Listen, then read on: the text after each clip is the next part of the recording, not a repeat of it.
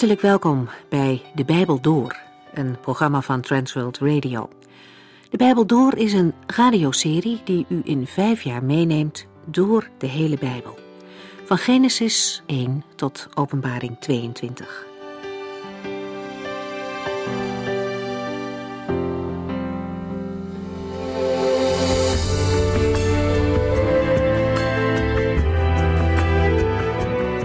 De uitzending van vandaag gaat over Genesis 32.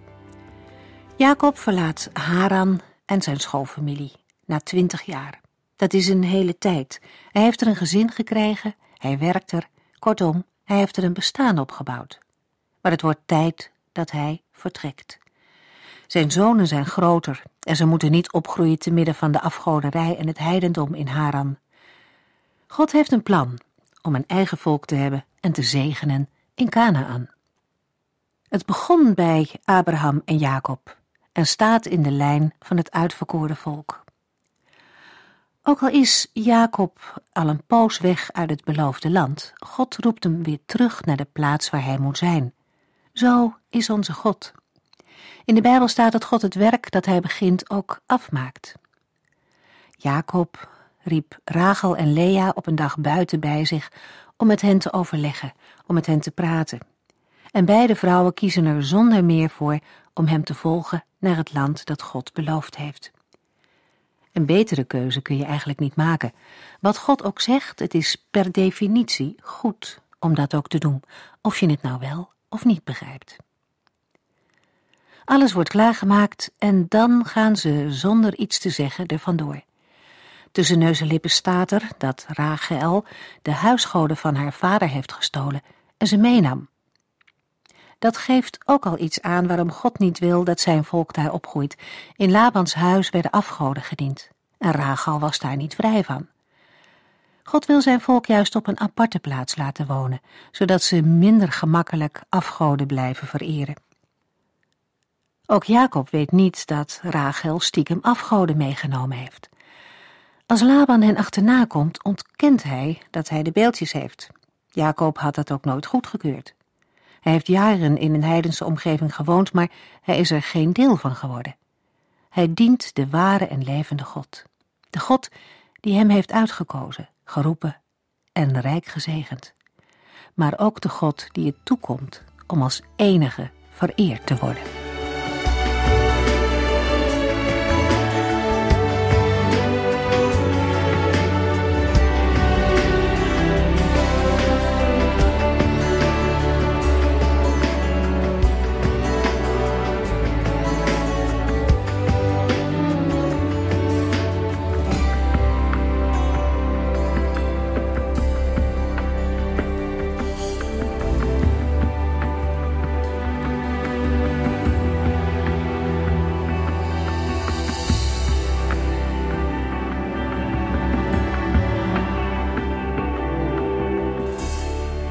Genesis 32 is een hoogtepunt in het leven van Jacob. We kunnen het zelfs een keerpunt in het leven van Jacob noemen. Een keerpunt, maar nog niet de bekering van Jacob. Zeker niet. Ondanks dat hij vaak leefde naar eigen inzichten en gedachten, had de Heere hem uitgekozen en apart gezet voor zijn plan. Het is goed om ons dat te realiseren. Het maakt een mens voorzichtiger om over mensen te oordelen. Wij mensen zien dat wat voor oog is en hebben vaak vrij snel een oordeel klaar, maar de Heer ziet het hart aan. Hij is de enige die harten kan veranderen en levens kan stellen in zijn dienst. Dat geldt ook voor christenen onder elkaar. Er zijn mensen die in hun gedrag niet laten zien dat ze christen zijn. Maar als je hen wat beter leert kennen, en ze wat meer uit hun schulp komen, dan merk je vaak dat ze het wel zijn. Daar komt nog bij dat het niet aan ons is om mensen te beoordelen of ze wel of niet christenen zijn. Dat is in de handen van de Heere God. In het Nieuwe Testament, in 1 Korinthe 3, lezen we dat de apostel Paulus tegen gelovigen zegt: Ik kon u nog niet toespreken als geestelijke mensen. U leidde uw eigen leven en deed uw eigen zin. Uw verhouding met Christus was nog zo pril dat ik u alleen maar melk kon geven. Ook nu nog wordt u door uw eigen verlangens beheerst. Dan bent u net als de ongelovige mensen. Het zijn gelovige mensen, maar je kunt het niet aan hen zien. Zo was het ook bij Jacob. Aan hem kon je het ook niet direct zien, behalve bij een paar gelegenheden waarbij God hem verscheen. God is dan ook nog niet klaar met Jacob. De Heerde gaat met Jacob aan de slag. Het wordt geen gemakkelijke weg voor Jacob. De Heere wil Jacob veranderen en daartoe moet hij een diepe weg gaan, tot zelfs een lichamelijke handicap. God zal Jacob kreupel maken om hem daardoor te veranderen. De Heere wijst ook ons terecht. In Hebreeën 12 vers 6 lezen we over de manier waarop de Heere kan terechtwijzen. Als hij u slaat, blijkt dat u zijn zoon bent. Lot wekte ook niet direct de indruk dat hij een kind van God was, maar hij was het wel. Want apostel Petrus zegt dat Lot aan Gods kant stond. Lot, een mens met een rechtvaardige ziel, werd gekweld door de uitspattingen en de losbandigheid die hij dagelijks om zich heen zag. Lot ontsnapte aan het vuur van Sodom en Gomorra, maar de Heer liet hem wel door het vuur van de beproeving heen gaan. Dat is vuur dat reinigt en verandert. Dat is ook Jacobs ervaring. Jacob moest het leren door zijn oom Laban. Het kostte hem twintig jaar en hij moest hard werken. Steeds weer kreeg Jacob een nieuwe overeenkomst van oom Laban. En altijd was de overeenkomst in Jacobs nadeel. Maar de Heere zegende Jacob en zijn bezit groeide. Jacob heeft ervaren, machteloze en vermoeide maakt hij sterk, de zwakken geeft hij kracht. Jesaja 40 vers 29. We gaan lezen in Genesis 32 vers 1 en 2. Jacob en zijn metgezellen trokken verder. En engelen van God ontmoetten hem. Toen Jacob hen zag, riep hij: Dat is een leger van God. God gaat Jacob leren om vrucht te laten dragen voor hem. De Heere gaat Jacob leren hen oprecht en toegewijd te dienen. De Heere God gaat Jacob leren een echt getuige voor hem te zijn. Genesis 32, vers 3 tot en met 5. Daarom noemde hij die plaats Machanaim, twee legers. Jacob zond daarna boodschappers voor zich uit naar zijn broer Esau in Edom, in het land Seir. Ze kregen de boodschap mee: Ik ben uw knecht Jacob. Ik heb tot voor kort bij oom Laban gewoond en nu ik terugkom, heb ik runderen, ezels, schapen en veel dienaren en dienaressen. Ik stuur deze boodschappers naar u toe om u te zeggen dat ik eraan kom. Ik hoop dat u ons vriendelijk zult ontvangen. Jacob is nog steeds een slimmerik. Hij kan het niet laten. Zelfs niet na zijn ervaringen met Laban. Hij keert terug naar het land van de belofte en hij herinnert zich Esau van twintig jaar geleden. Jacob stuurt zijn dienaren naar Esau en geeft hen instructies mee. Als jullie bij mijn broer Esau komen, zeg dan tegen hem: Mijn heer Esau, en zeg dan dat jullie komen namens zijn knecht Jacob. Moet je je voorstellen? Zo heeft Jacob nog niet eerder gesproken. Hij had bedrogen om het geboorterecht te krijgen en de zegen van Esau gestolen. Nu praat Jacob heel anders. Het lijkt erop dat hij het een en ander van oom Laban heeft geleerd. Ze kregen de boodschap mee: Ik ben uw knecht Jacob. Genesis 32, vers 6. De boodschappers keerden na enige tijd terug met het nieuws dat Esau hen tegemoet kwam met een leger van 400 man. De boodschap maakte Jacob verschrikkelijk bang, omdat hij niet wist wat dit te betekenen had. Jacob wist niet hoe hij deze boodschap moest opvatten. Esau had zijn bedoelingen niet duidelijk gemaakt aan de bediende. Jacob zal hen zeker grondig hebben ondervraagd. Hebben jullie iets ontdekt van vijandigheid, bitterheid of haat tegenover mij? Ik veronderstel dat de bedienden gezegd hebben: Nee, hij leek blij te zijn met het bericht dat u eraan kwam om hem te ontmoeten. Nu komt hij eraan om u te ontmoeten. In ieder geval, Jacob is in paniek. Genesis 32, vers 7 en 8. Jacob verbleekte van schrik. Hij deelde zijn huishouden met de kudden en de kamelen in twee groepen en zei: Als Esau de ene groep aanvalt, kan de andere groep misschien ontsnappen. Volgens Jacob staat het er slecht voor. Esau komt eraan en hij weet niet wat Esau van plan is. Jacob neemt zijn maatregelen. Jacob verdeelt zijn huishouden. Esau kan geen twee groepen tegelijk aanvallen. En als hij dat gedaan heeft, let op wat Jacob dan doet. Hij gaat bidden. Hij roept tot God in zijn nood. Genesis 32, vers 9 en 10. Toen bad Jacob: God van mijn grootvader Abraham en mijn vader Isaac, Heere, die me heeft gezegd dat ik moest teruggaan naar het land van mijn familie, en die beloofde goed voor mij te zijn. Ik ben het niet waard dat u mij zoveel goedheid hebt bewezen, steeds weer, zoals u had beloofd. Toen ik van huis vertrok, had ik alleen maar een staf, en nu heb ik twee legers. Jacob doet nu een beroep op God en roept tot hem. Op grond van het feit dat de Heere de God is van zijn grootvader Abraham en van zijn vader Isaac. Ziet u, luisteraar, er is wat veranderd bij Jacob. We kunnen een kleine verandering in Jacobs leven ontdekken. Jacob zegt voor de eerste keer: Ik ben het niet waard dat u mij zoveel goedheid hebt bewezen. Voor het eerst geeft Jacob toe dat hij in de ogen van God een zondaar is. Dat is een spiegel voor ons. Hoe is dat met u en met jou? Weet u dat er ook heel wat christenen zijn die niet toegeven dat ze zondaren zijn? Er zijn christenen die boos worden als je zegt dat ze een zondaar zijn. Ze waren zondaar, maar na hun redding zijn ze geen zondaar meer. Klopt dat wel? De Bijbel laat ons zien dat we allemaal zondaars zijn en dat mensen uit genade gered moeten worden. Maar als een mens door genade gered mag zijn, betekent dat dan dat hij of zij geen zondaar meer is? Zolang God ons het leven geeft, hebben wij te worstelen met onze oude natuur. Onze oude natuur hoort begraven te zijn, maar steeds weer steekt hij de kop op. Met Paulus moet ook ik zeggen: als ik het goede wil doen, ligt het kwade op de loer.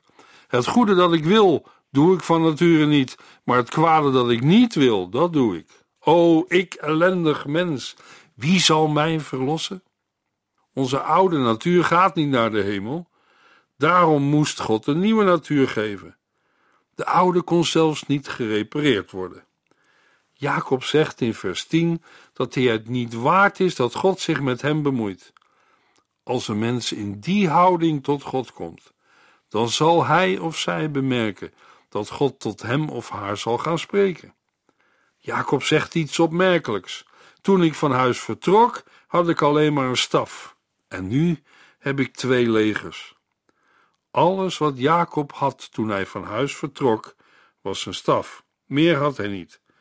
Nu komt hij terug en heeft twee groepen mensen bij zich. Genesis 32, vers 11 en 12. Och Heere, bescherm me nu ook tegen mijn broer Esau, want ik ben bang. Bang dat hij mij en deze moeders en hun kinderen komt doden. Maar u hebt mij beloofd goed voor mij te zijn en mijn nakomelingen talrijk te maken als het zand langs de zee. Jacob bidt tot God. De komende nacht zal een hele moeilijke nacht voor Jacob worden. Ik denk dat hij niet veel geslapen heeft, en slaappilletjes had hij ook niet. Genesis 32, vers 13 tot en met 16. Jacob bleef daar die nacht en maakte een geschenk voor zijn broer Ezo klaar. Dat bestond uit 200 geiten, 20 bokken, 200 ooien, 20 rammen, 30 zogende kamelen met hun veulens, 40 koeien, tien stieren, twintig ezelinnen en tien ezels. Jacob gaf zijn dienaren de opdracht de dieren voor hen uit te leiden, elke groep apart, met tussenruimtes. Jacob maakt een royaal geschenk voor zijn broer Esau. Hij is erg gul geworden, maar uit de opdracht die hij zijn dienaren geeft, blijkt ook dat het een soort tactiek is die Jacob toepast. Als die eerste groep er aankomt, zal Esau zeggen: Wat is dit? En de dienaren zullen antwoorden: Wij brengen u een geschenk van uw broer Jacob. Esau zal het geschenk aannemen, maar als hij verder rijdt, komt hij nog een kudde van dezelfde omvang tegen. Geloof me, tegen de tijd dat Esau de plaats bereikt waar Jacob en zijn gezin is, zal hij milder gestemd zijn. Jacob heeft tot God gebeden en heeft de Heer aan zijn belofte en toezegging herinnerd.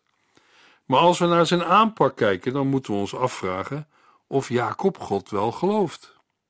Het lijkt erop dat Jacob toch weer zijn eigen gang gaat en niet vertrouwt op God, maar zijn eigen maatregelen treft voor de ontmoeting met Esau. Ik ben bang dat wij ook vaak in soortgelijke situaties verkeren. Ook wij leggen onze zorgen in gebed bij de Heer neer. Maar wat doen we daarna? Als we klaar zijn met bidden, nemen we alles weer op onze nek en schokken verder door het leven. Het is niet gemakkelijk om alles in de handen van de Heere God te leggen. Vertrouwen wij Hem echt? Genesis 32, vers 17 tot en met 20.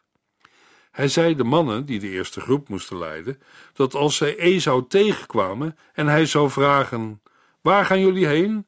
Wiens dienaren zijn jullie? Wiens dieren zijn dit?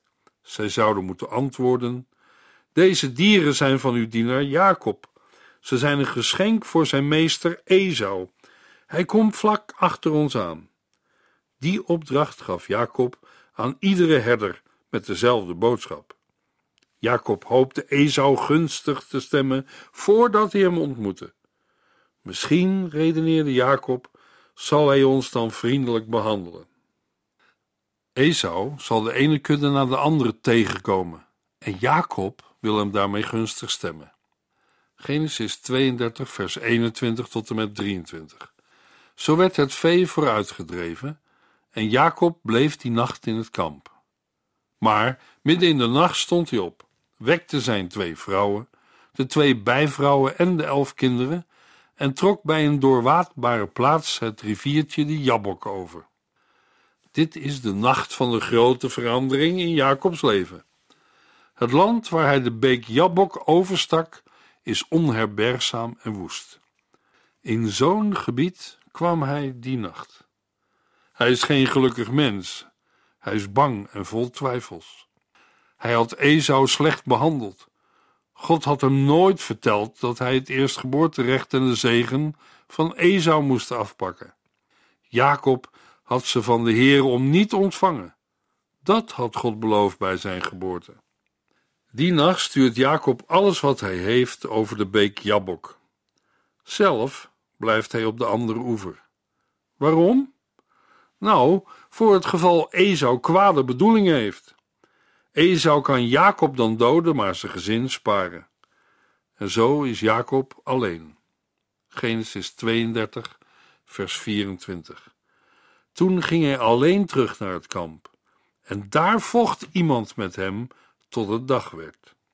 Jacob is alleen, zoals hij twintig jaar geleden ook alleen was. Dan verspert iemand Jacob de weg en worstelt met hem. Het doel van de worsteling wordt opengelaten. De identiteit van de man wordt niet vermeld. Ook Jacob weet het niet. Straks, als het dag wordt, zal hij het ontdekken. De worsteling duurt totdat aan de oostelijke horizon het licht verschijnt dat aan de zonsopgang voorafgaat.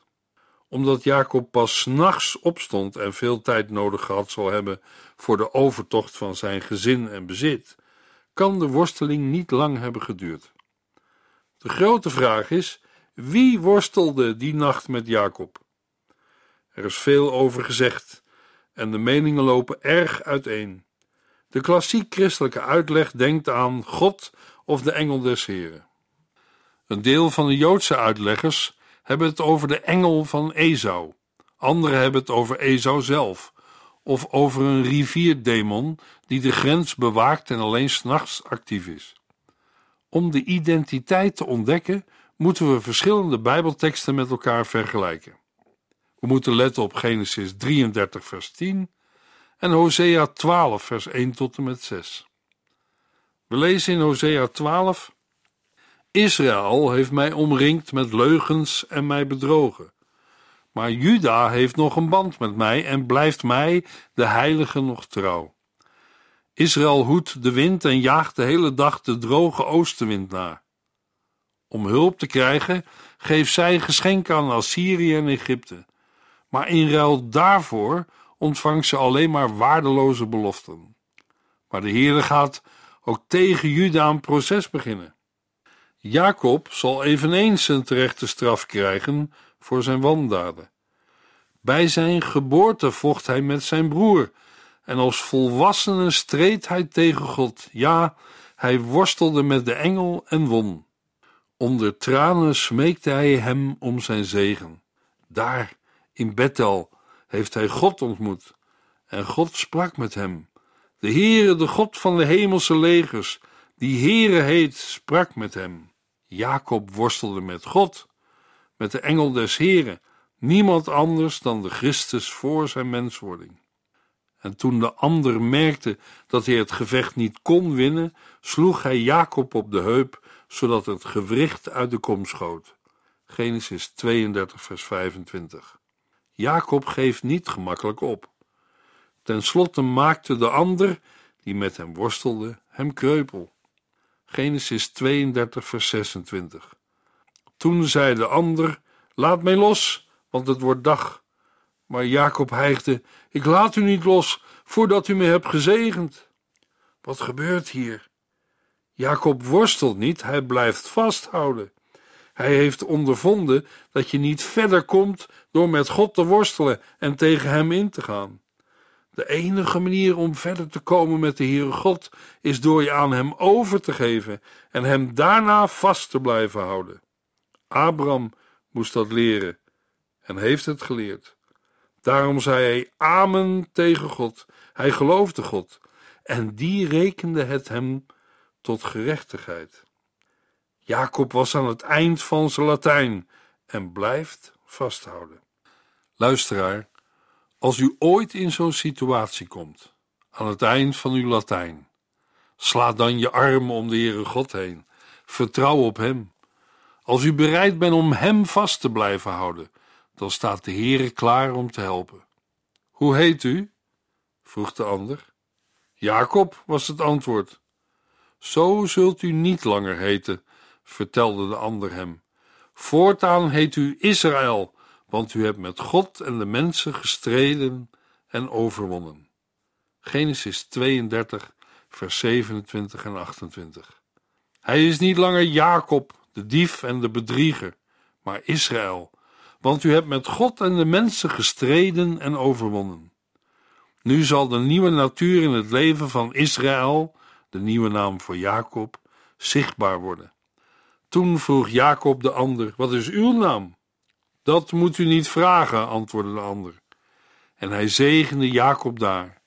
Jacob noemde die plaats Pniel, het gezicht van God, en zei: Ik heb God recht in de ogen gekeken, en toch is mijn leven gespaard. Genesis 32, vers 29 en 30. Wat een wonder! Jacob had de engel van de Heere gezien, de Christus voor zijn menswording, God zelf, en zijn leven is gespaard. Genesis 32, vers 31 en 32. De zon was al op toen Jacob Pniel verliet. Hij liep mank door de klap op zijn heup. Dit is de reden waarom de Israëlieten nog steeds niet het stuk van de heupspier eten die de heup rekt. Jacob moest kreupel worden voordat hij erkende dat God de baas was. Aanvankelijk weigerde Jacob om toe te geven. Dat is typerend voor hem. Jacob heeft uiteindelijk gemerkt dat hij niet van God kon winnen. Maar hij wilde zich niet overgeven. En wat deed God toen? Zeker, God kon Jacob makkelijk met zijn schouders tegen de grond drukken. Zou dat Jacob hebben geholpen? Ik denk van niet. Wat doet God? Hij raakt Jacobs heup aan. Eén aanraking met de vinger van God en Jacob wordt hulpeloos. Maar God houdt Jacob vast en dan wil Jacob ook niet meer weg. Hij klemt zich aan de Heere vast en vraagt om zijn zegen. Het worstelen en strijden is voorbij. Jacob wil afhankelijk zijn van God. De verandering van Jacob is een heel proces. Hij zal nog vele malen terugvallen in zijn oude gewoonten. Toch ontdekken we een verandering. Voordat we met zijn geschiedenis klaar zijn, zullen we merken dat hij werkelijk een man van God is. Eerst zagen we hem thuis en daarna in het land Haran, waar hij naar eigen inzicht probeert te overleven. Nu hier in Pniel, bij de beek Jabbok, zien we hem worstelen, maar hierna zien we hem als een man van geloof. Als een mens zich bekeert en bekeerd wordt, dan denkt hij of zij vaak het christelijke leven wel te kunnen leven. Een christen kan zich op dat punt vergissen. De apostel Paulus worstelde er ook mee. In Romeinen 7, vers 19 schrijft hij: Hoewel ik het goede wil, doe ik het niet. In plaats daarvan doe ik het slechte, en dat wil ik nu juist niet. Paulus ontdekte dat er niet alleen niets goed was in zijn oude natuur, maar dat hij steeds in gevecht was met zijn nieuwe natuur. We horen hem roepen in Romeinen 7, vers 24. Wat ben ik er ellendig aan toe? Wie zal mij verlossen uit deze vreselijke macht van de dood? En wat is het antwoord? Ik dank God dat er een uitweg is door Jezus Christus onze Heer. Van Christus komt alle verlossing. Van Hem komt alle hulp. Paulus zegt: Ik sta met mijn verstand wel achter de wet van God, maar ben in mijn dagelijks leven onderworpen aan de wet van de zonde. Romeinen 7, vers 25. Zo staat het er niet alleen met Paulus voor, maar met ons allemaal. Onze oude natuur kan niets doen wat God behaagt. Luisteren we nog een keer naar de apostel Paulus in Romeinen 8, vers 7 en 8. Onze eigen zin gaat recht in tegen de wil van God. Hij onderwerpt zich niet aan Gods wet en kan dat ook niet. Mensen die alleen maar hun eigen zin doen, kunnen God dan ook niet tevreden stellen. Pas als u en ik ons aan Hem overgeven, kunnen we God behagen. Overgeven betekent zich onderwerpen aan de wil van God. Dat is precies wat Jacob deed. Hij kreeg de overwinning niet door beter te worstelen, maar door zich over te geven. Jacob zei: Ik laat u niet los voordat u mij hebt gezegend. Wat zou u of jij gezegd hebben? Graag tot de volgende keer.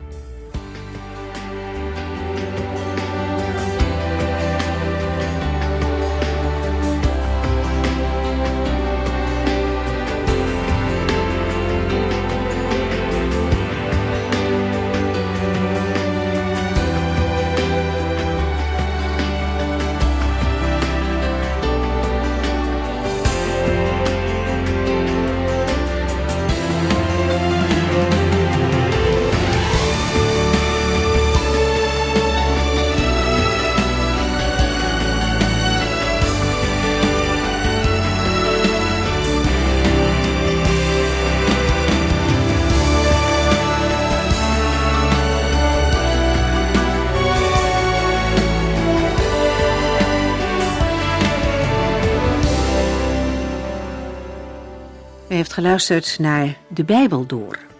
In het Nederlands vertaald en bewerkt door Transworld Radio. Een programma waarin we in vijf jaar tijd de hele Bijbel doorgaan. Als u wilt reageren op deze uitzending of u heeft vragen, dan kunt u contact met ons opnemen.